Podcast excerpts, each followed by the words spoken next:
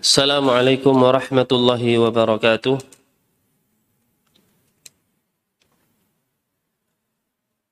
بسم الله الرحمن الرحيم. الحمد لله رب العالمين. والصلاة والسلام الأتمان الأكملان على المبعوث رحمة للعالمين وعلى آله وصحبه أجمعين. ومن تبعهم بإحسان إلى يوم الدين. أما بعد. Ummahat sekalian kaum muslimah.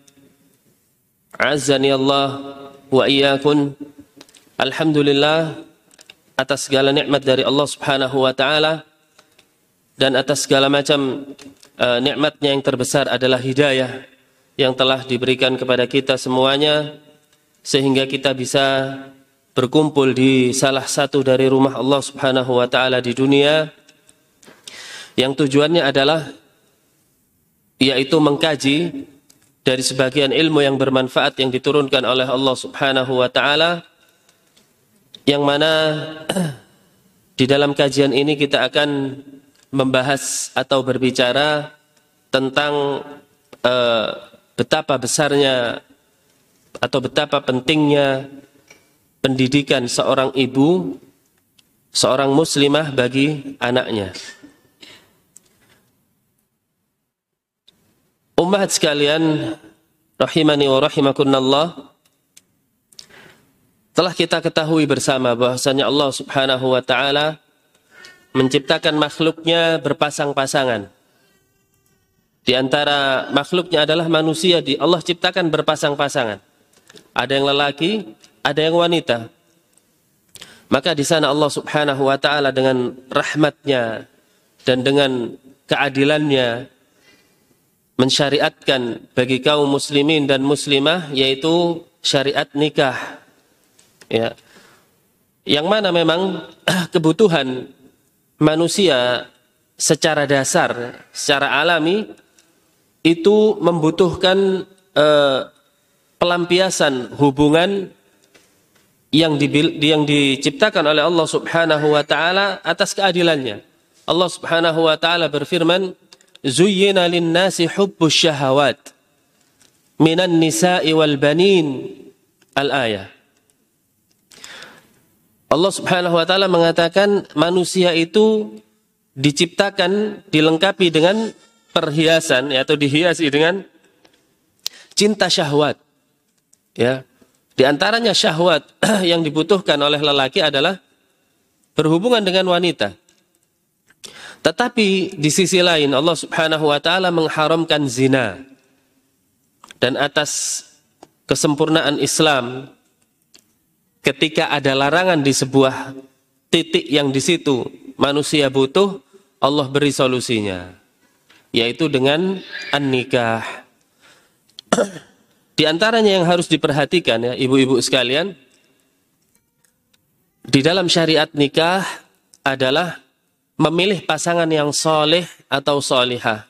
Ya, memilih pasangan yang soleh atau solihah.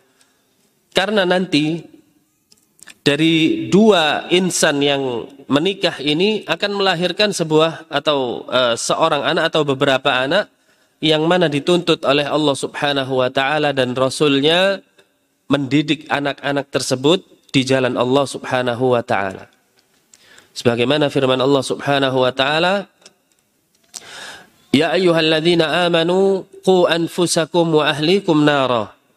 Wahai orang-orang yang beriman, jagalah diri kalian dan keluarga kalian dari api neraka.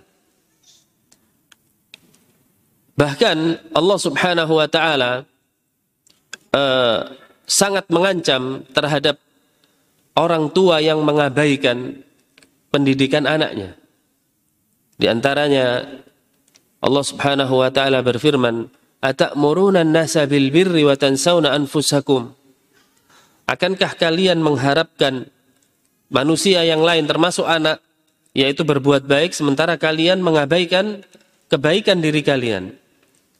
Jadi ibu-ibu sekalian rahimani wa rahimakumullah. Uh, ketika kita berbicara pendidikan seorang anak ya tentang orang tua yang wajib mendidik seorang anaknya maka yang terbesar di dalam pendidikan itu adalah ibu. Yang terbesar di dalam pendidikan anaknya adalah seorang ibu. Oleh karenanya syariat uh, menganjurkan, mengarahkan bagi seseorang muslimin yaitu mencari pasangannya yang solihah. Rasul Shallallahu Alaihi Wasallam bersabda, tunkahul mar'atu li arba. Biasanya wanita itu dinikahi dilihat dari empat hal. Ya, kata beliau SAW, li jamaliha, bisa jadi karena kecantikannya, au li atau karena nasabnya, ya, atau lima liha, atau karena hartanya, au li diniha, atau karena agamanya. Maka beliau melanjutkan sabdanya, maka pilihlah yang terakhir yaitu dinikahi wanita tersebut karena agamanya. Karena seseorang wanita yang memiliki ilmu din, ya, yang memiliki agama yang kuat, dia bisa mengarahkan anaknya menuju jalan Allah Subhanahu wa taala. Berbeda dengan seorang wanita yang tidak mengetahui ilmu agama, tidak tahu akidah yang benar, tidak tahu ilmu-ilmu dasar ibadah yang benar, sholat yang benar, ya, kemudian e, berpuasa yang benar, zakat yang benar dan seterusnya. Maka hal yang demikian ini susah baginya untuk mengarahkan anaknya ke jalan Allah Subhanahu wa taala. Ya. Maka ibu-ibu sekalian rahimani wa rahimakumullah ada pertanyaan. Lalu bagaimana Ustadz ketika saya sudah menikah tapi baru mendengar syariat ini. Ya. Saya sudah terlanjur menikah, saya tidak tahu ilmu agama atau pengetahuan saya sangat minim, tetapi saya baru mendengar hal yang seperti ini. Ya, jawabannya adalah tidak ada kata terlambat. Tidak ada kata terlambat. Tetap berusaha, walaupun setelah menikah, tetap berusaha untuk menghiasi diri ini dengan ilmu syar'i, ya ilmu agama. Banyak dari para sahabat ya terdahulu yang mereka belajar agama atau para sahabiat ya yang mereka belajar agama kepada Nabi Shallallahu Alaihi Wasallam dan kondisinya sudah menikah. Jamaah sekalian, kaum muslimah rahimani wa rahimakunallah, di kesempatan yang berbahagia ini insya Allah kita akan E, menukilkan beberapa kisah ya sebagai motivasi bagi kita semua untuk lebih semangat lagi mendidik anak-anak kita ke jalan Allah Subhanahu wa taala dan menjadi manusia yang bermanfaat. Karena ketahuilah bahwasannya uh, ibu itu adalah sekolahan ya, sekolahan bagi anak-anaknya. Walaupun ayah tetap harus memperhatikan pendidikan anaknya, tetapi Allah Subhanahu wa taala menakdirkan seorang ayah itu untuk keluar rumah untuk mencari maisha ya. Ditakdirkan seperti ini. Maka banyak waktu uh, anak tersebut yaitu berinteraksi atau berhubungan dengan ibunya. Ya. Maka banyak kita saksikan ya ibu-ibu sekalian uh, bagaimana ketika orang tua kedua-duanya keluar rumah mencari maisha, mencari nafkah. Ya, ayah keluar bekerja, ibu keluar bekerja, sementara anak ditinggal di rumahnya.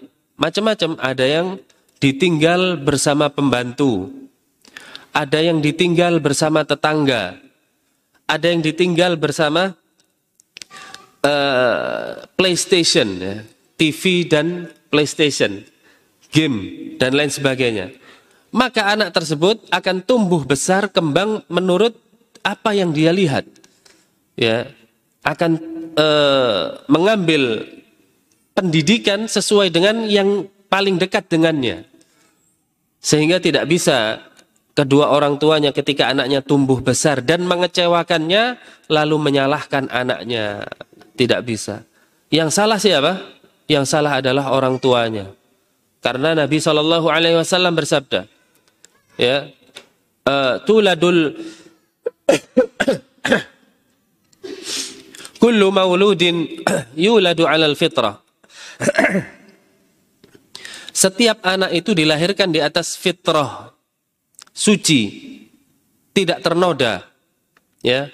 Fa'abawahu ayyuhawidanihi au au yunassiranihi au yumajjisanihi. Maka ibu bapaknya yang menjadikannya nasronikah yahudikah atau majusikah? Ini menunjukkan bahwasannya tumbuh kembang seorang anak itu tergantung dari pertumbuhan atau uh, pendidikan orang tuanya. Jamaah sekalian kaum muslimah rahimani wa rahimakunallah. beberapa kisah ya, beberapa kisah yang akan saya bawakan di sini uh, tentu mereka terbangun di atas sabda Nabi sallallahu alaihi wasallam wal mar'atu ra'iyatun fi baiti zawjiha. Ya, ini perhatikan ya. Jamaah sekalian, sabda Nabi sallallahu alaihi wasallam, wal mar'atu ra'iyatun fi baiti zawjiha. Dan perempuan itu adalah seorang yang menjaga penanggung jawab di rumah suaminya. Wa mas'ulun an ra'iyatihi. Dan dia akan ditanya oleh Allah Subhanahu wa taala. Ditanya oleh Allah Subhanahu wa taala dimintai pertanggungjawaban atas yaitu eh, penjagaannya tadi.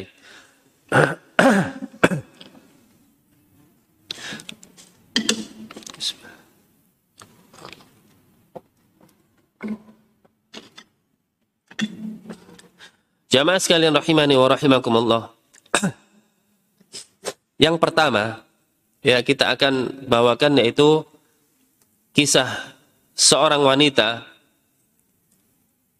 kisah seorang wanita uh, yang sangat besar sekali pengorbanannya untuk mengharapkan anaknya menjadi anak yang berilmu yang tumbuh kembang di jalan Allah Subhanahu wa taala dan bermanfaat bagi kaum muslimin. Di sini disebutkan ya, di sini disebutkan adalah kita mulai dari kisah ibu dari Rabi'ah bin Farukh ya.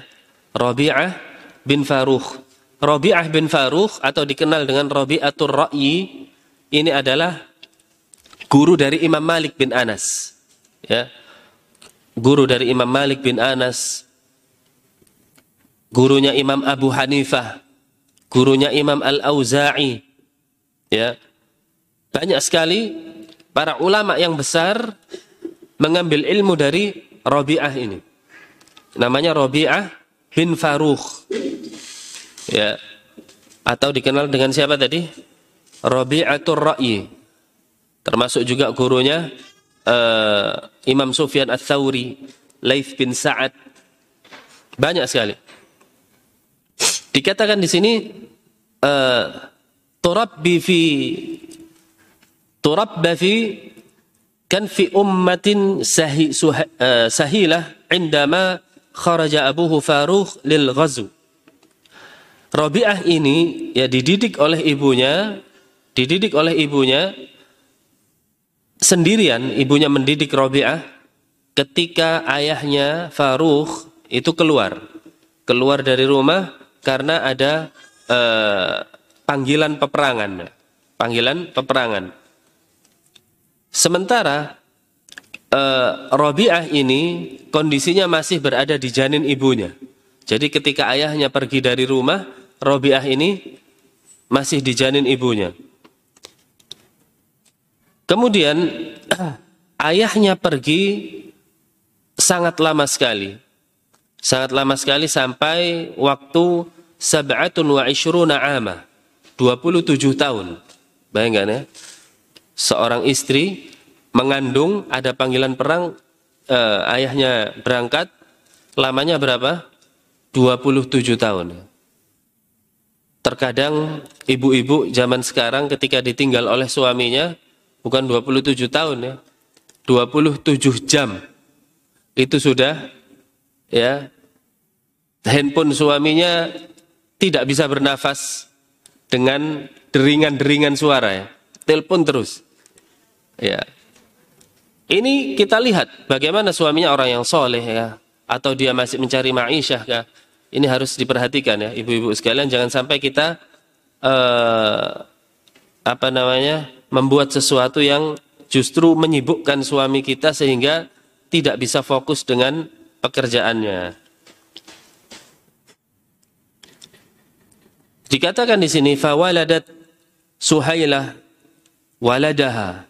Ya.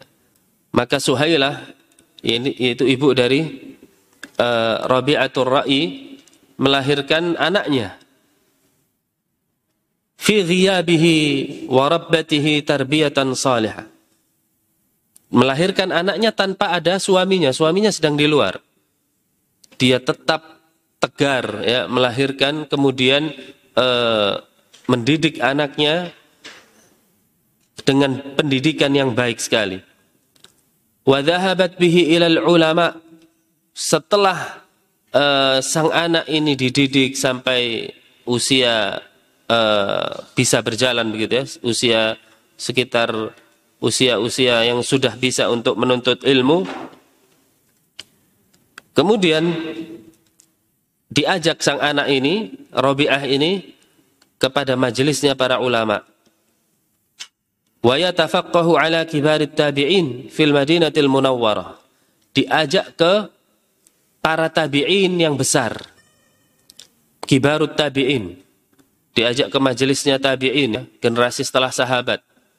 Untuk belajar ilmu agama kepadanya. Wa sabarat alaihi tashuddu man azarahu min tashuddu min azarihi wa ta'yinihi fi muhimmatihi. Dan hal seperti ini uh, Suhailah ini ibu dari Rabi'ah ini sabar menjalaninya. Terus setiap hari diantar ke majelisnya para ulama tanpa seorang ayah ya, tanpa seorang ayah. Kita ketahui bersama ibu-ibu ketika seorang ayah itu tidak ada biasanya ma'isyah itu terbatas atau nafkah atau harta itu terbatas apalagi untuk mendidik anaknya apalagi untuk berjalan tetapi ini uh, dia lalui dengan sabar kemudian talabil ilmi wa tazawwud minhu bimaliha wa nafsiha yang terpenting yang uh, dilakukan oleh ibu dari Robiah ini adalah bagaimana anaknya bisa menuntut ilmu agama ya walaupun dengan keterbatasan harta dan keterbatasan tenaga, masya Allah ya, tidak menyerah. Karena yang diinginkan adalah hal yang besar. Kita ketahui bersama ibu-ibu, uh, kalau seseorang itu kepingin hasil yang lebih besar untuk mencapai dunia saja, mencapai dunia saja, itu butuh tenaga atau uh, effort ya, atau butuh usaha yang lebih. Berbeda orang yang penghasilannya 2 juta per bulan, kemudian dia menginginkan hasil 20 juta per bulan. Ini butuh usaha yang lebih. Tetapi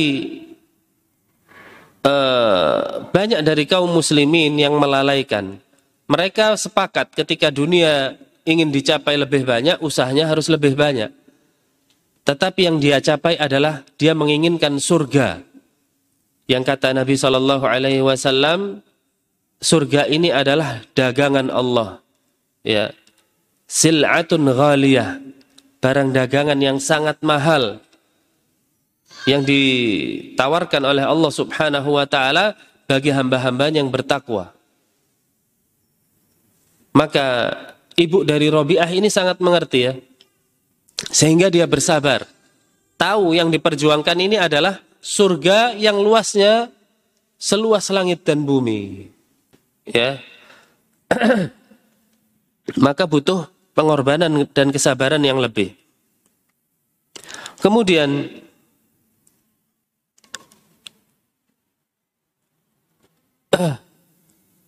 dengan seluruh keterbatasan dan kemamp eh, dan apa namanya uh, kesabarannya terus dia lakukan usahanya tersebut sampai akhirnya ya sampai dia akhirnya membuahkan hasil yang sangat besar. Hasil yang sangat besar. Apa jadinya di sini disebutkan bahwasannya fa ibnu as-saghir ahadu fuqaha'il madinatil kibar. Sampai akhirnya Rabi'atul Ra'yi ini menjadi salah seorang ulama besar di kota Madinah. Wa aqadat lahul ulama uh, wa aqadat lahu halaqatun fi Masjid Nabawi wa huwa la yazalu saghira. Dan Rabi'ah ini sudah jadi ulama dan sudah membuka majelis ilmu sedangkan usianya masih belia. Usianya masih muda. Ya, yajlisu ilaihil ulama. Bahkan para ulama duduk di majelisnya dan mengambil ilmu darinya. Watawafada ala halaqatihi tullabil ilm. Dan banyak dari penuntut ilmu penuntut ilmu juga berdatangan dari uh, luar kota Madinah untuk menghadiri majelisnya. Wa asbahat halaqatuhu madrasatun yatalaqqawna وأصبحت حلقته مدرسة يتلقون فيها علوم الدين يتلقون فيها علوم الدين. Akhirnya halakohnya eh, pengajiannya Robiah ini menjadi pengajian yang besar halakoh yang bermanfaat dan menjadi madrasah ya yang di dalamnya diajarkan ilmu agama. Sampai jadi madrasah sampai jadi pondok begitu ya. Yang dipelajari di dalamnya adalah ilmu agama, kemudian bahasa Arab, hadis dan fikih. Kemudian wa indama ada waliduhu ilal Madinah wa dakhala al masjid ketika ayahnya jadi setelah 27 tahun ya. Setelah 27 tahun berarti usianya Robiah ketika umur 27 tahun ayahnya datang. 27 tahun sudah jadi ulama besar.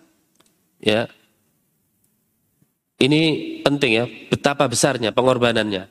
Ya, harus sabar, harus uh, mengorbankan keinginan-keinginan yang nggak penting bagi kita ya ibu-ibu. Terkadang uh, ada ibu-ibu bahkan dia kaum muslimah ya, terkadang sudah ngaji juga ya, anaknya pegang apa namanya? game sehari semalam dia biarkan. Kenapa? Ya Ustadz, ya biar kerjaan saya lancar, tidak diganggu anak. Tetapi ibu mengharapkan anaknya jadi ulama, iya, ini adalah hal yang mustahil. Bagaimana bisa? Maka dia harus sabar. Walaupun anaknya uh, sedikit mengganggu pekerjaannya, dia tetap arahkan. Dia tetap uh, berikan hal-hal yang bermanfaat untuk anaknya. Ketika ayahnya datang setelah tahun yang ke-27, ra'a halaqah qad ijtama'an nasu 'alaiha. Ayahnya melihat ketika ayahnya masuk Masjid Nabawi ada halakoh yang besar. Halakoh itu ada apa? Kajian. Kajian yang dibimbing oleh seorang syekh yang mana kajian tersebut uh, banyak didatangi oleh manusia. Besar sekali manusia yang berkumpul di sana. Wara'a syabban wasiyaman ala ra'siha. Dilihat oleh ayahnya Rabi'ah ini, loh, ustadznya ya atau syekhnya itu masih muda. Usianya kurang lebih itu 27 tahun itu. Fajala sayanzuru ilai. Akhirnya ayahnya pun duduk, belum tahu kalau itu anaknya. Ya, ayahnya duduk mendengarkan tausiah, mendengarkan ilmu dari seorang syekh yang muda tadi. Wa yastami'u ila ilmihi, mendengarkan ilmunya, wa yunsitu ila hadithihi, menyimak hadis yang disampaikan oleh Rabi'ah tadi. Rabi'ah termasuk ahli hadis. Fasa'ala min fasa'ala man bijanibihi Fa'akhbarahu annahu yu'rafu bi rabi'atir. Akhirnya sang ayah tadi tanya kepada orang sebelahnya, teman pengajiannya. Wahai fulan, ya, itu syekh itu siapa namanya? Dijawab oleh orang sebelahnya, dia dikenal dengan nama Rabi'atur Ra'yi. Ya. Kalau bilang Robi'ah bin Faruh, maka kaget nanti dia. Ya. Karena dia sendiri bernama Faruh, ayahnya yang ber, yang bertanya tadi. Kata sebelahnya ini dikenal dengan Robi'atul Ra'i. Akhirnya uh, sang ayah pun diam dan belum mengetahui kalau itu anaknya. Fa'ada ila baitihi wa huwa yatadhakkar dzalikal alim asyab. Akhirnya sang ayah tadi setelah kajian pulang ke ke rumahnya. Pulang ke rumahnya sambil mengingat-ingat ya betapa indahnya guru tadi, ulama tadi masih muda. Siapa dia itu ya? Dia bertanya-tanya dan mengingat-ingat di benaknya seperti itu. Faqara al-baba fafataha lahu dhalika syab alladhi ra'ahu fil masjid. Ketika sampai di rumahnya dia ketuk pintu. Dia ketuk pintu, ternyata yang membuka pintu siapa? Orang yang dilihatnya di masjid tadi yang mengajar manusia. Yang mengajarkan ilmu kepada manusia, dibuka. Ya terkejut ayahnya. Loh, ini syekh, ini ustadz yang di masjid tadi. Ya. Akhirnya, fastaghraba wujudahu fi baitihi. Dia terheran-heran. Loh kok bisa seorang ulama ini ada di rumahnya? wa annahu fa'arrafathu zaujatuhu annahu raja'a. Akhirnya sang ibu memberitahu anaknya bahwasanya ini ayahmu sudah pulang. Ini ayahmu sudah pulang ya. Kemudian fa'akhbarathu bihaqiqati dzalika syab. Kemudian sang ibu tadi juga memberitahu suaminya uh, siapa sebenarnya anak ini. Ya, siapa sebenarnya pemuda ini yang mengajarkan ilmu di Masjid Nabawi ini. Bahwasanya dia adalah anaknya yang telah lama dia tinggal pada waktu ditinggal masih berada di janin ibunya. Ya. Qad asbaha al-yawmu kama tara fasurra bihi maka gembiralah ayahnya tadi. Ya, Masya Allah. Sang ayah tahu instan ya ibu-ibu sudah jadi ulama gembira. Alhamdulillah. Tetapi bagaimana perjuangan seorang ibu tadi ya? Berapa tahun ibu-ibu? 27 tahun. Ya. Siapa di antara ibu-ibu yang mau ditinggal suaminya 27 tahun? Ya. Disuruh mendidik anaknya sendiri. Ya, tentu kisah ini memotivasi kita. Kita tentu tidak ingin ditinggal 27 tahun. Ya. Tetapi yang kita ambil pelajaran dari kisah ini apa? Betapa sabarnya sang ibunda tadi, walaupun tanpa suami, dia tidak mengeluh. Dia tidak mengatakan saya seorang diri, ya cari sekolahan yang deket-deket saja, walaupun yang diajarkan itu ilmu yang nggak benar. Ya wajarlah Ustadz, saya seorang diri. Enggak, enggak ada seperti itu. Bahkan dia berjalan jauh dengan harta yang terbatas, kemampuan yang terbatas. Tapi yang dia inginkan adalah hal yang besar. Dan Allah Subhanahu wa taala mengatakan walladzina jahadu fina lanahdiyannahum subulana. Siapa saja yang bersungguh-sungguh ingin mendapatkan jalanku, aku tunjukkan jalannya. Jadi itu tergantung dari mental kita ya. Tergantung dari kemauan dan usaha keras kita. Kemudian yang kedua, ada uh, wanita yang besar juga yang bernama Al-Aliyah bintu Syarik bintu Abdurrahman Al-Asadiyah. Siapa namanya? Al-Aliyah bintu Syarik binti Abdurrahman Al-Asadiyah. Beliau adalah ibu dari Imam Malik bin Anas. Bismillah.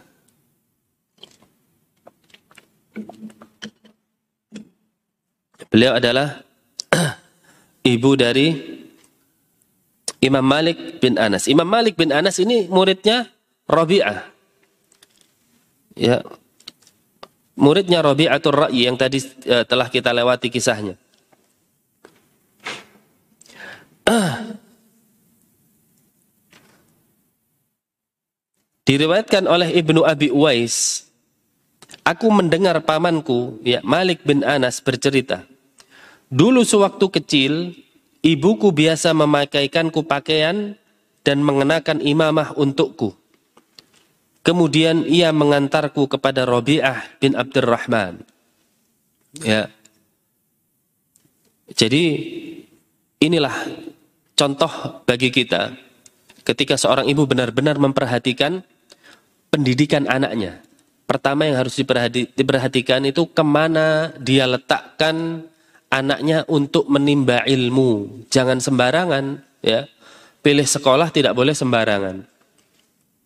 Kalau zaman sekarang, eh, barangkali ketika tidak ada sekolah yang berkualitas mengajarkan agama bagi anak-anak kita, kita bisa didik sendiri di rumah, ibu-ibu. Ya, alhamdulillah sekarang bisa dimudahkan ya dengan uh, kita bisa mengurus apa PKBM sendiri, ya untuk memudahkan jalannya barangkali mendapatkan ijazah. Ya, tetap ijazah itu adalah wasilah, walaupun memang penting ya di negeri kita ini ijazah tersebut. Tapi yang lebih penting adalah ilmu yang bermanfaat. Jangan hanya meletakkan anak-anak kita sedangkan kita sambil e, memejamkan sebelah mata. Ibaratnya wis tidak mau tahu, ya sudah taruh di sini, dibayar, selesai. Enggak.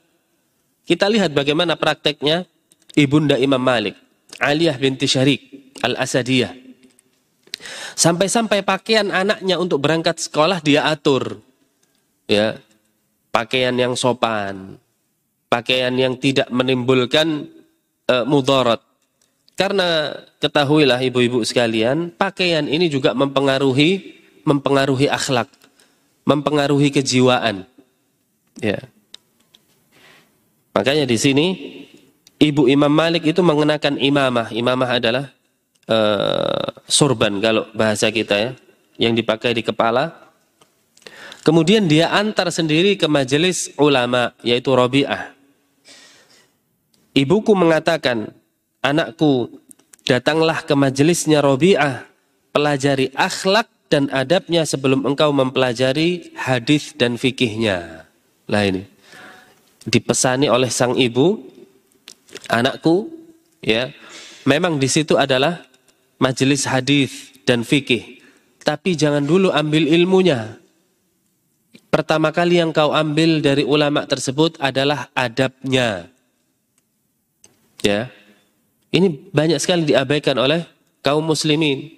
Banyak di antara mereka anak-anaknya yang sekolah, sementara adab dan akhlak tidak mereka perhatikan.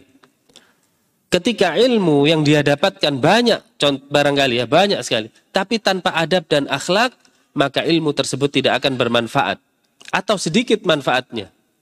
Ya. Karena ilmu yang bermanfaat itu adalah ilmu yang dihiasi dengan adab dan akhlak. Dan ini disampaikan oleh seorang ibu kepada anaknya, yaitu Imam Malik bin Anas.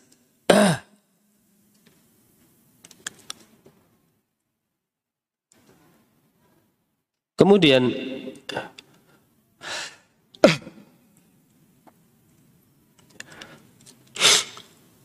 disebutkan di sini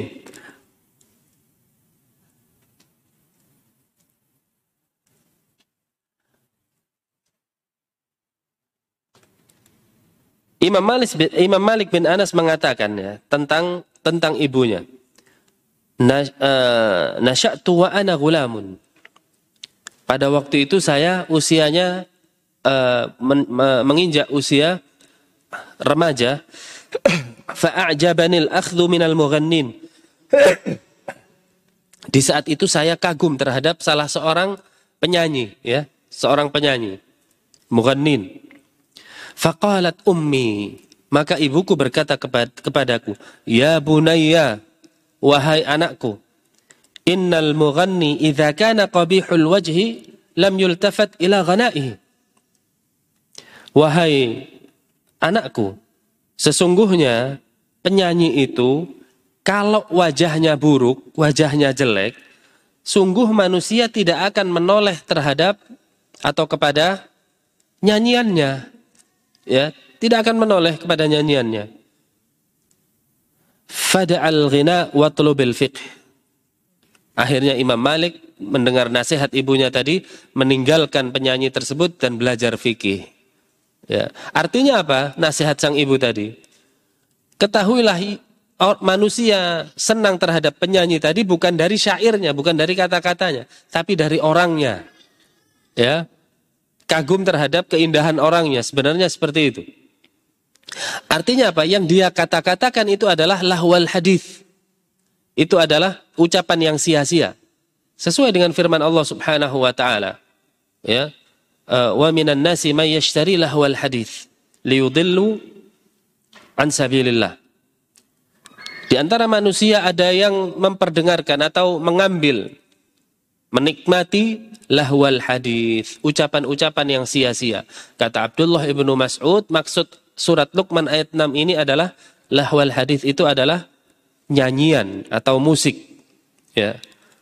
Dan Imam Malik semasa semasa kecilnya sempat terkagum-kagum dengan seorang penyanyi, ya, e, musisi begitu. Akhirnya ibunya mengarahkannya. Ya. Ini penting juga bagi kita ambil pelajaran dari sini. Jangan sampai anak kita mendengarkan hal-hal yang haram, melihat hal-hal yang haram semasa kecilnya. Kita hanya menegur dari jauh. Sambil marah barangkali dari jauh. Tapi dibiarkan anaknya menikmati hal tersebut. Tidak seorang ibu harus uh, mendudukkan anaknya, menasehati secara intensif ya dari hati ke hati ketika melihat anaknya melakukan hal-hal yang mungkar, hal-hal yang buruk. Seperti yang dilakukan oleh ibu dari Imam Malik bin Anas sehingga Imam Malik kemudian uh, meninggalkan kemungkaran tersebut dan mulai belajar fikih. Beliau mengatakan fataraktul mughannin wa tabi'tul fuqaha. Akhirnya setelah dinasehati ibuku tadi, saya meninggalkan uh, penyanyi tersebut dan saya mengikuti ulama. Fabalaghallahu bima tara. Akhirnya alhamdulillah Allah Subhanahu wa taala sampaikan kepadaku ilmu yang bermanfaat seperti yang kalian lihat ini.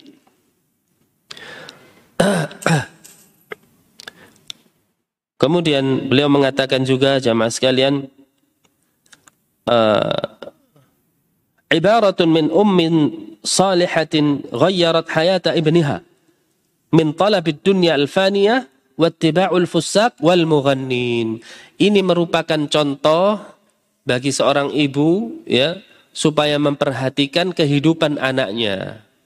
Jika anaknya sudah mulai cinta dunia, hendaklah dia arahkan untuk cinta akhirat. Ketika anaknya sudah mulai mengarah, melangkahkan kakinya ke arah kefasikan, hendaknya sang ibu tadi menahan dan mengarahkan anaknya ke jalan ketakwaan kepada Allah Subhanahu wa taala. Ya. Akhirnya Imam Malik pun uh, bertumbuh kembang di tangan para ulama dan akhirnya pun beliau seperti yang kita ketahui uh, berhasil menjadi yang diimpikan oleh ibunya yaitu ulama besar ya ulama besar. Nah, bahkan disebut disebutkan di sini hatta ghada syamah bainahum ya uh, hayyathu li talabil ilm wa albasathu libasal ulama yang dilakukan oleh ibu Imam Malik adalah mempersiapkan kondisi anaknya untuk menuntut ilmu dan juga mengenakan baju. Nah, ini ini juga ditekankan ya. Jadi pakaian anak kita harus kita perhatikan. Jangan mengikuti pakaian-pakaian orang-orang fasik. Ya. Jangan mengikuti pakaian-pakaian e, orang-orang yang jauh dari agama. Sekali lagi saya katakan tadi apa? Pakaian itu akan mempengaruhi kejiwaan sang anak. Anak melihat, oh saya pakai baju ya gambarnya singa. Ada bolanya. Akhirnya yang terbersit di benak sang anak apa? Melihat seperti siapa ini yang pakai baju ini. Saya akan meniru orang tersebut. Sebaliknya ketika anak kita pakai kita pakaikan baju Islami, ya, pakai sarung, pakai baju koko ya, atau pakai jubah, intinya pakaian-pakaian yang yang syar'i maka sang anak juga akan melihat nantinya. Oh ternyata ibu saya menghendaki seperti ini. Lalu dia akan bertanya, ya siapa orang yang pakai baju seperti ini? Saya akan mencontohnya. Begitu.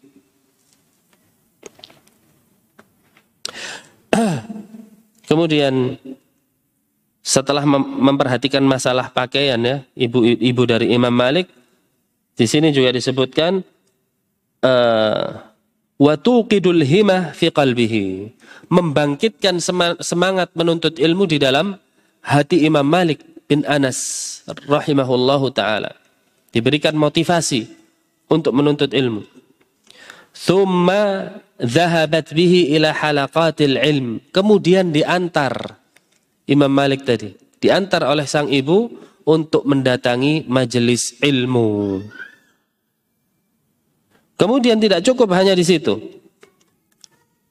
Di dalam majelis ketika mengantar ke majelis ilmu Imam Malik diberikan uh, apa namanya bekal ya oleh ibunya bukan bekal makanan atau bukan bekal uang tapi diberikan pulpen dan kertas pena dan kertas ya. kenapa di sini disebutkan liyudawwina ma sami'ah supaya dia menulis apa yang dia dengar Masya Allah ya ibu-ibu. Sampai sedetail itu diperhatikan tentang tata cara menuntut ilmu. Wa yaktubu ma yumla alaihi fiha. Menulis seluruh uh, yang disebutkan oleh ulama kepadanya. eh,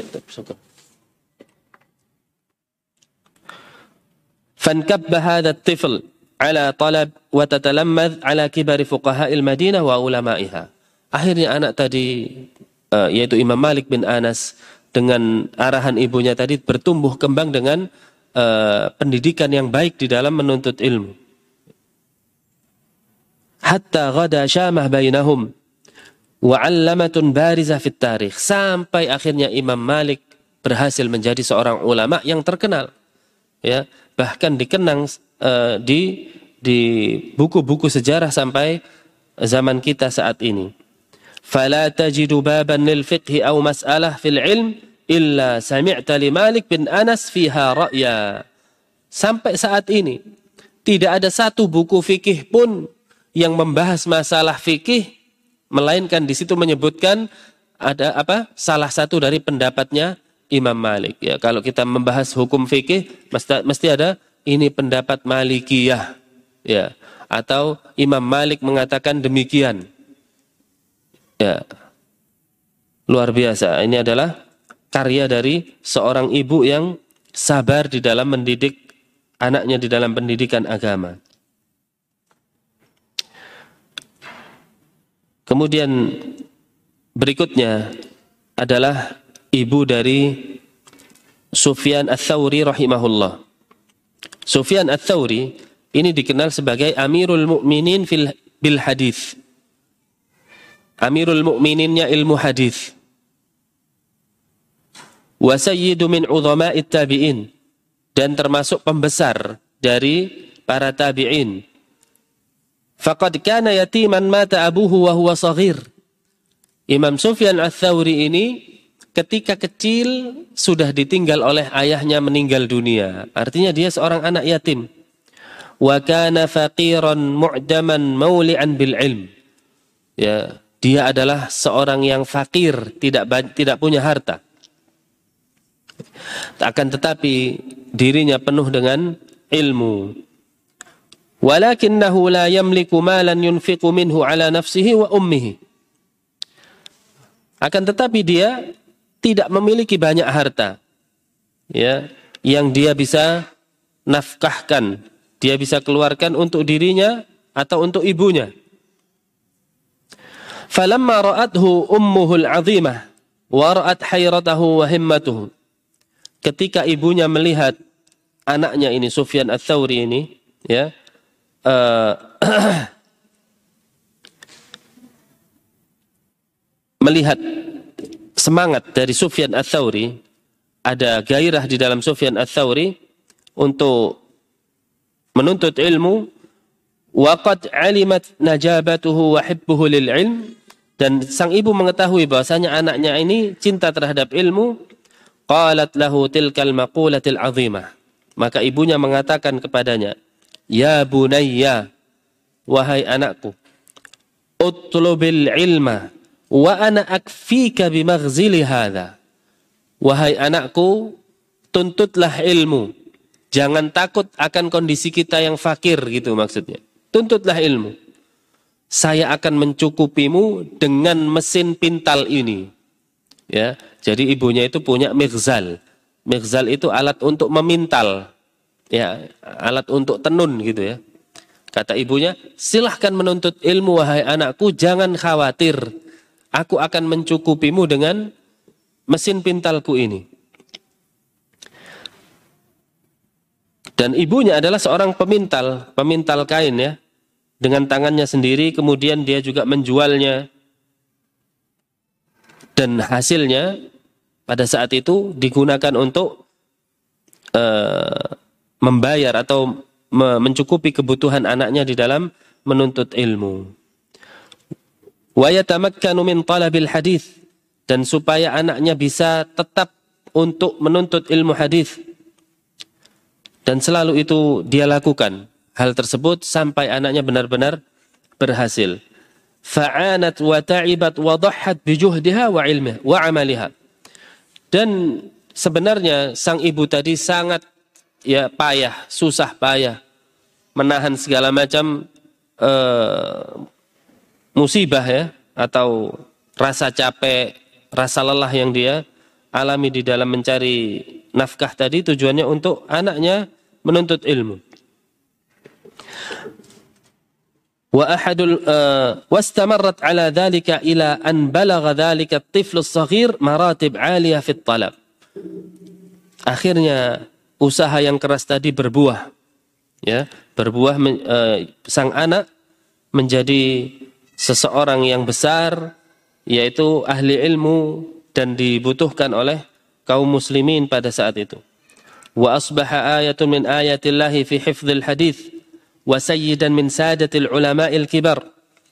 Akhirnya Imam Sufyan Ats-Tsauri bisa kita lihat diri kepribadiannya, kita bisa lihat tanda-tanda kebesaran Allah di dalam dirinya. Yaitu banyaknya hadis yang dia hafal dan di antara di antaranya uh, Imam Sufyan Ats-Tsauri adalah salah satu tokoh ulama besar di dalam ilmu hadis. Sampai-sampai Imam Al-Auza'i mengatakan, "Lam yabqa man tajtami alaihi al-ummah birrida illa Sufyan." Ya. Tidak ada satu orang pun yang umat berkumpul kepadanya dengan ridho kecuali Sufyan Ats-Tsauri. Ya. Jamaah sekalian rahimani wa rahimakumullah. Kemudian saya akan bawakan lagi yaitu kisah dari Fatimah bintu Asad walidatul Imam Muhammad bin Ismail. Fatimah bintu Asad Asy-Syafi'i. Ya. Ya, maksudnya adalah Fatimah bintu Asad uh, ibu dari Imam Asy-Syafi'i. Muhammad bin Ismail Asy-Syafi'i. Faqad nasha'a yatiman haitsu mata abuhu. Imam Asy-Syafi'i ini uh, tumbuh tanpa ayah. Kondisinya yatim seperti Imam Sufyan Ats-Tsauri. Dan ayahnya meninggal di Gaza ya, di Gaza Palestina wa huwa la yazalu saghiran. Sementara kondisi Imam Asy-Syafi'i pada waktu itu masih kecil. Fakafalathu ummuhu Fatimah bintu Asad. Maka dia diasuh oleh ibunya seorang diri. Wa halimat ay yakuna hadha at-tifl 'aziman min al-udhama. Dan uh, sang ibu berkeinginan keras supaya anaknya tadi menjadi seorang ulama menjadi seorang ulama. Fanadharat haulaha wa fakkarat fi fi amriha. Akhirnya sang ibu tadi uh, melihat kondisi sekelilingnya ya dan bagaimana kondisi anaknya. Fara'at an tadhhaba bihi ila Makkah muhbital wahyi. Ya, akhirnya sang ibu berpendapat yaitu akan pergi ke Makkah. Akan pergi ke Makkah. Wa maqsadul ulama wa masqat ra'si abaihi wa ajdadihi. Yang ditujukan adalah untuk ke majelisnya para ulama. Ya, ditujukan untuk ke majelisnya uh, para ulama.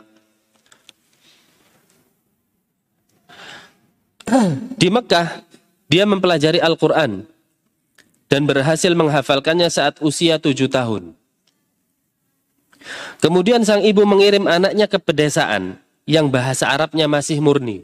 Ya, jadi Imam Ash-Syafi'i ini uh, salah satu dari uh, ulama yang dia adalah masih keturunan dari Nabi Shallallahu Alaihi Wasallam atau dikenal dengan ahlul bait ya. Dari jalan Muttalib.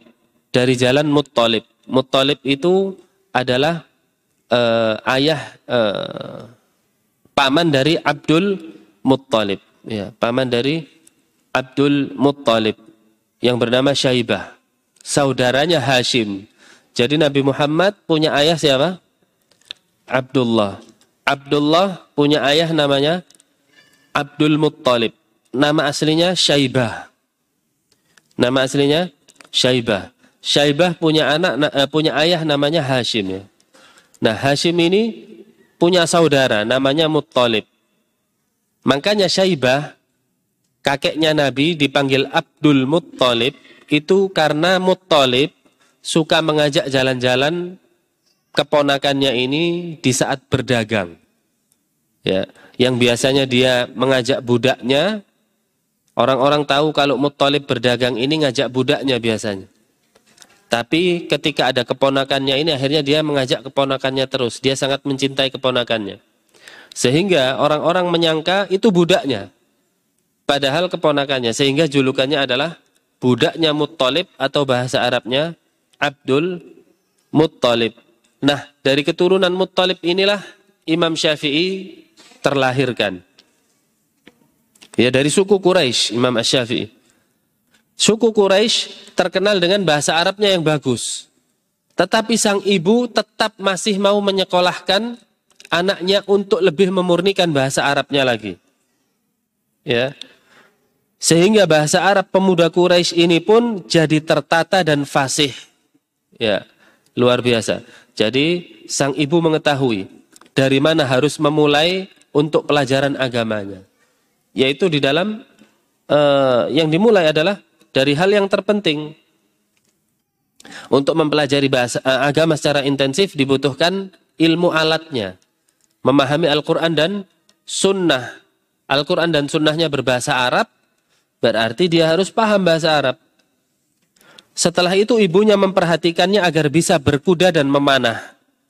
Ya, Jadilah ia seorang pemanah ulung. Seratus anak panah pernah ia muntahkan dari busurnya, tak satu pun meleset dari sasaran. Masya Allah ya, luar biasa. Seratus anak panah ditembakkan, satu pun tidak ada yang meleset.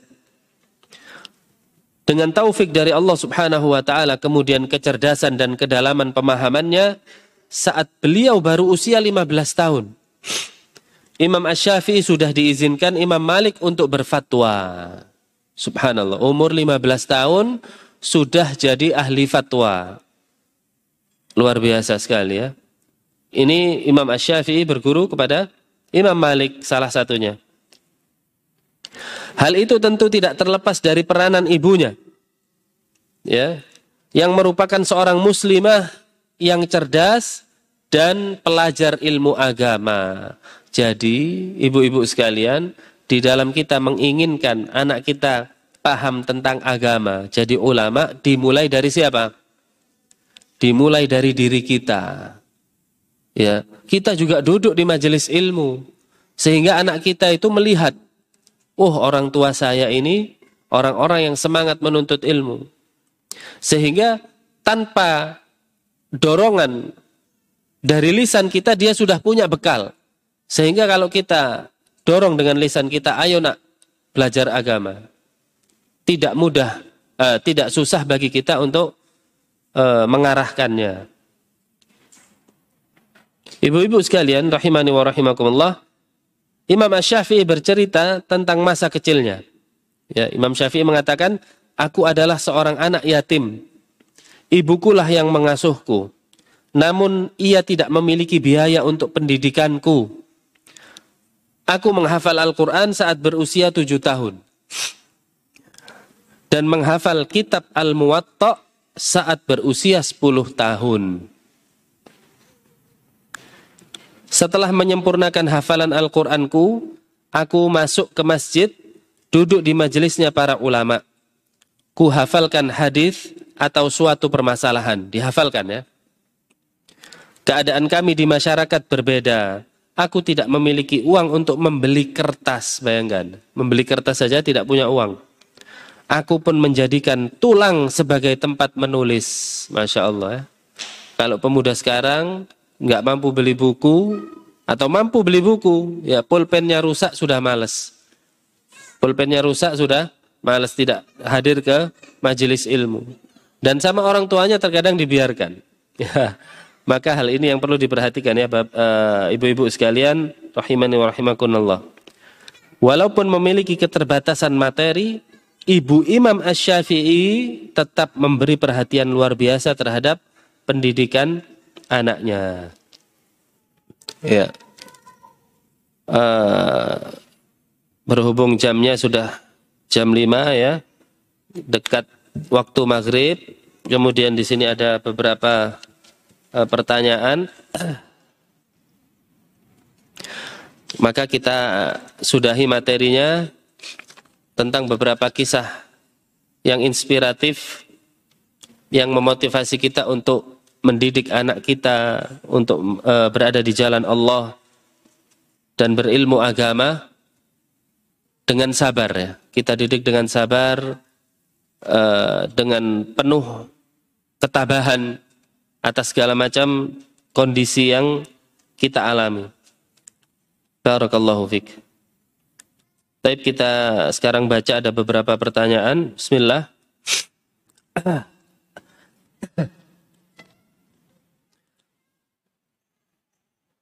Afan Ustadz, bagaimana cara agar suami mencintai majelis ilmu? Sehingga beliau tidak menghalangi saya untuk menghadiri majelis. Ya, sedang saya sebelum menikah dengan beliau pun saya sudah mencintai majelis ilmu. Dan sema, uh, dan semangat ya. Manfaat untuk orang uh, dan senang bermanfaat untuk orang banyak. Saya sadar ini mungkin cara Allah untuk memberikan membersihkan dosa saya yang terlalu banyak di masa lalu. Mudah-mudahan ya, amin. Tapi Ustadz, suami saya pengangguran dan saya kalau tidak keluar mencari ridho Allah, apakah mungkin kebutuhan rumah tangga kami tercukupi sedang saya punya seorang anak yang harus saya penuhi kebutuhannya? anak saya bukan anak suami. Oh, ya, anak bawahan ya. Bawaan ya.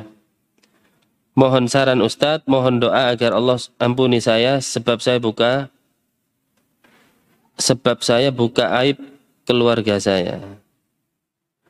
Ya, di sini ada beberapa poin ya yang harus saya sampaikan. Yang pertama tentang tata cara mengajak suami ke majelis ilmu. Ya, sampaikan dengan lemah lembut. Anda seorang istri itu yang lebih tahu kegemaran suami. Ya, nasihat saya lakukan apa yang disenangi oleh suami tersebut hadirkan. Ya, hadirkan. Uh, sehingga di saat kondisi dia senang masuki dengan nasihat yang bermanfaat tadi. Ya, wahai suamiku, saya ini adalah orang yang berusaha mengajakmu untuk ke jalan Allah. Ya. Untuk ke surga Allah. Dan surga Allah itu bisa kita capai dengan amal. Dan amal kita bisa capai dengan ilmu. Ya. Maka mustahil wahai suamiku untuk kita bersama di surga sehingga kita meninggalkan majelis ilmu. Jelaskan seperti itu ya. Uh, kemudian ketika nasihat sudah sampai, yang kedua adalah diulang-ulang. Kondisi tersebut diulang-ulang, ya. Kondisi yang suami gemar begini atau begitu itu diulang-ulang dan sampaikan nasihat di tempat yang sama tadi. Kemudian jangan lupa ya bagi sang penanya ini yang ketiga adalah mendoakan suami tersebut kepada Allah Subhanahu wa taala untuk terbuka hatinya mendapatkan hidayah. Ya. Ini adalah hal yang banyak diabaikan oleh kaum muslimin dan muslimah, yaitu ad-doa, berdoa. Doakan orang yang tercint yang kita cintai. Ya. Karena doa ini terkadang akan terwujud hal-hal yang tidak mungkin kita uh, pikirkan. Seperti Rasul Shallallahu Alaihi Wasallam mendoakan Umar ibn Khattab, ya Allah muliakan Islam ini di antara dua Umar. Maksudnya Umar di situ adalah Amr bin Hisham, yaitu Abu Jahal, atau Umar ibn Khattab. Ternyata Allah kabulkan Umar ibn Khattab. Yang sebelumnya ketika dikabari ya, iparnya Umar Ibn Khattab itu ketika dikabari, eh ya, Umar bin Khattab ini masuk Islam. Apa kata dia? Saya percaya Umar bin Khattab masuk Islam jika keledainya Khattab masuk Islam. Ya, keledai nggak mungkin masuk Islam. Artinya ini hal yang mustahil. Umar masuk Islam ini mustahil, tapi ternyata kenyataan yang sebelumnya Umar bahkan ingin membunuh Nabi, sekarang kita bisa lihat kuburannya atau eh, jasadnya, mayatnya dikuburkan di sisi Nabi Muhammad Shallallahu Alaihi Wasallam. Ya, penting ya ibu, ibu-ibu sekalian untuk kita banyak berdoa kepada Allah Subhanahu Wa Taala atas hal yang kita inginkan di antaranya kebaikan bagi orang yang kita cintai. Ah, kemudian di sini disebutkan juga apakah mungkin kebutuhan rumah tangga kami eh, tercukupi sedang saya punya seorang anak ya. Bagi seorang wanita pada asalnya adalah mengatur rumah dan bukan bekerja ya. Tetapi di sebuah kondisi tertentu karena barangkali keterbatasan ekonomi atau suaminya tidak bisa berpenghasilan yang mencukupi, lalu dia bantu bekerja, maka boleh. Dengan syarat, ya dengan syarat pekerjaannya pekerjaan yang halal satu. Kedua, tidak melalaikan dirinya dari kewajiban aslinya, yaitu menjaga rumah suaminya.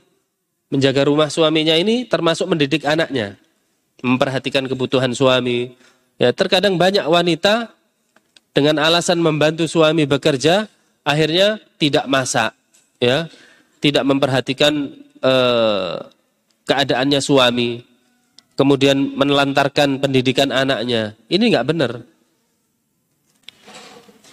Kemudian dia boleh bekerja di samping pekerjaannya halal dan tidak menelantarkan kewajiban awalnya, juga diperhatikan dia tidak menjadi fitnah bagi lelaki yang lain. Artinya harus tetap tertutup pekerjaannya. Ya, dan auratnya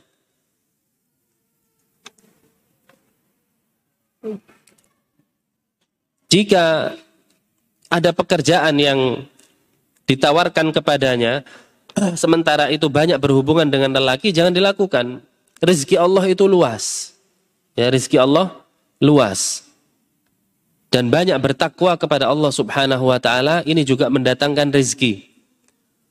Ya, banyak wanita dengan alasan bekerja mencari nafkah bebas, tidak memperhatikan ketakwaan kepada Allah, bahkan melanggar apa yang dilarang oleh Allah. Buka aurat, ya. Kemudian ikhtilat, campur baur, kerja di mall, kerja di toko, yang campur baur antara laki dengan perempuan, ini nggak benar. Ya. Jadi uh, boleh saja dengan syarat seperti itu, harus uh, diperhatikan batasan-batasan syar'i yang digariskan kepada wanita tersebut.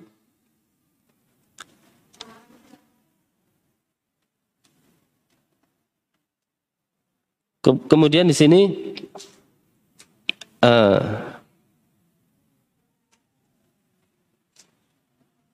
mohon saran Ustadz tadi sudah saya sarankan dan mohon doa agar Allah ampuni saya ya. Mudah-mudahan Allah Subhanahu wa taala uh, mengampuni dosa-dosa sang penanya ini dan meluaskan rezekinya dan uh, memudahkan segala macam urusannya. Ya. Uh, sebab saya buka aib keluarga saya ya. Sebaiknya uh, jangan pernah buka aib keluarga kecuali kepada orang-orang yang terpercaya jika dibutuhkan ya. Kalau hal seperti ini anda tidak menyebutkan nama kemudian uh, tidak menyebutkan ciri-ciri ini insya Allah tidak sampai derajat buka aib ya. Jangan sampai juga sang penanya memberitahu kepada sebelah-sebelahnya saya yang bertanya tadi ya. Jangan, itu namanya buka aib baru. Ya, diam saja. Jazakallahu khairan wa yubarik fik wa iyyak. Yang kedua, Bismillah, Ustadz mau tanya bagaimana kita mendampingi anak-anak supaya tetap istiqomah dalam menjalankan sunnah. Sedangkan anak sendiri harus kerja. Dan anak-anak didampingi neneknya yang belum paham sunnah. Nah, ini musibah. Sekarang mana yang lebih dipentingkan? Ya, pendidikan anak atau pekerjaan? Pendidikan anak atau pekerjaan? Ketika Anda memilih sesuatu, memilih sesuatu uh, yang besar, ingin anak paham sunnah, itu sesuatu yang besar, itu butuh pengorbanan seperti cerita tadi. Butuh pengorbanan dan e, kaidah umum rumus orang yang berjuang itu pasti berkorban. Ya banyak ini dilupakan juga oleh e, ikhwan sekalian dan wal akhwat. Mereka kira perjuangan itu tidak butuh pengorbanan. Tidak. Ya setiap perjuangan butuh pengorbanan. Siapa yang dikorbankan? Orang itu sendiri. Dia harus mengorbankan uh, apa? Hal-hal yang tidak penting yang lainnya. Sekali lagi, uh, jika dia ini sang penanya harus bekerja, saya katakan pada asalnya kewajiban Anda itu bukan bekerja. Kewajiban Anda adalah mendidik anak. Bekerja itu alternatif kalau suami tidak ada barangkali. Atau suami ada tetapi tidak mencukupi kebutuhan sehari-hari. Boleh bekerja dengan syarat yang seperti yang saya sebutkan tadi. Jika kebutuhan sehari-hari sudah cukup, ya, maka kembali ke setelan awal ya, setelan pabrik. Apa setelan pabriknya?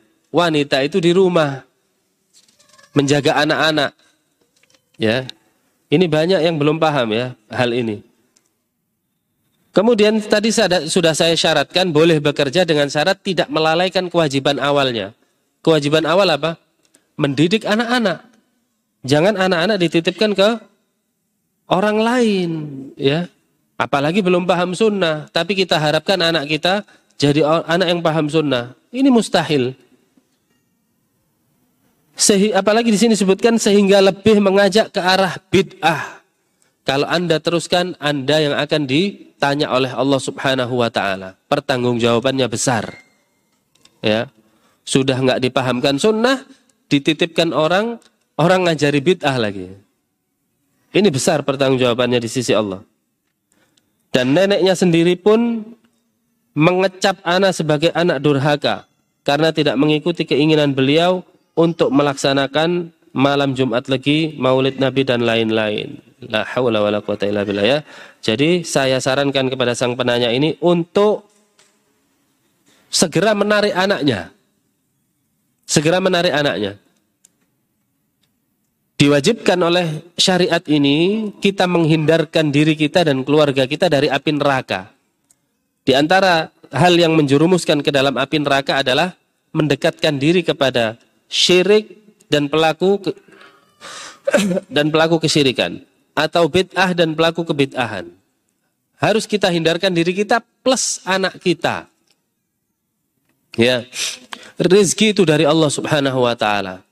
Cari kerjaan yang tidak melalaikan kewajiban kita mendidik anak. Banyak sekali. Banyak sekali.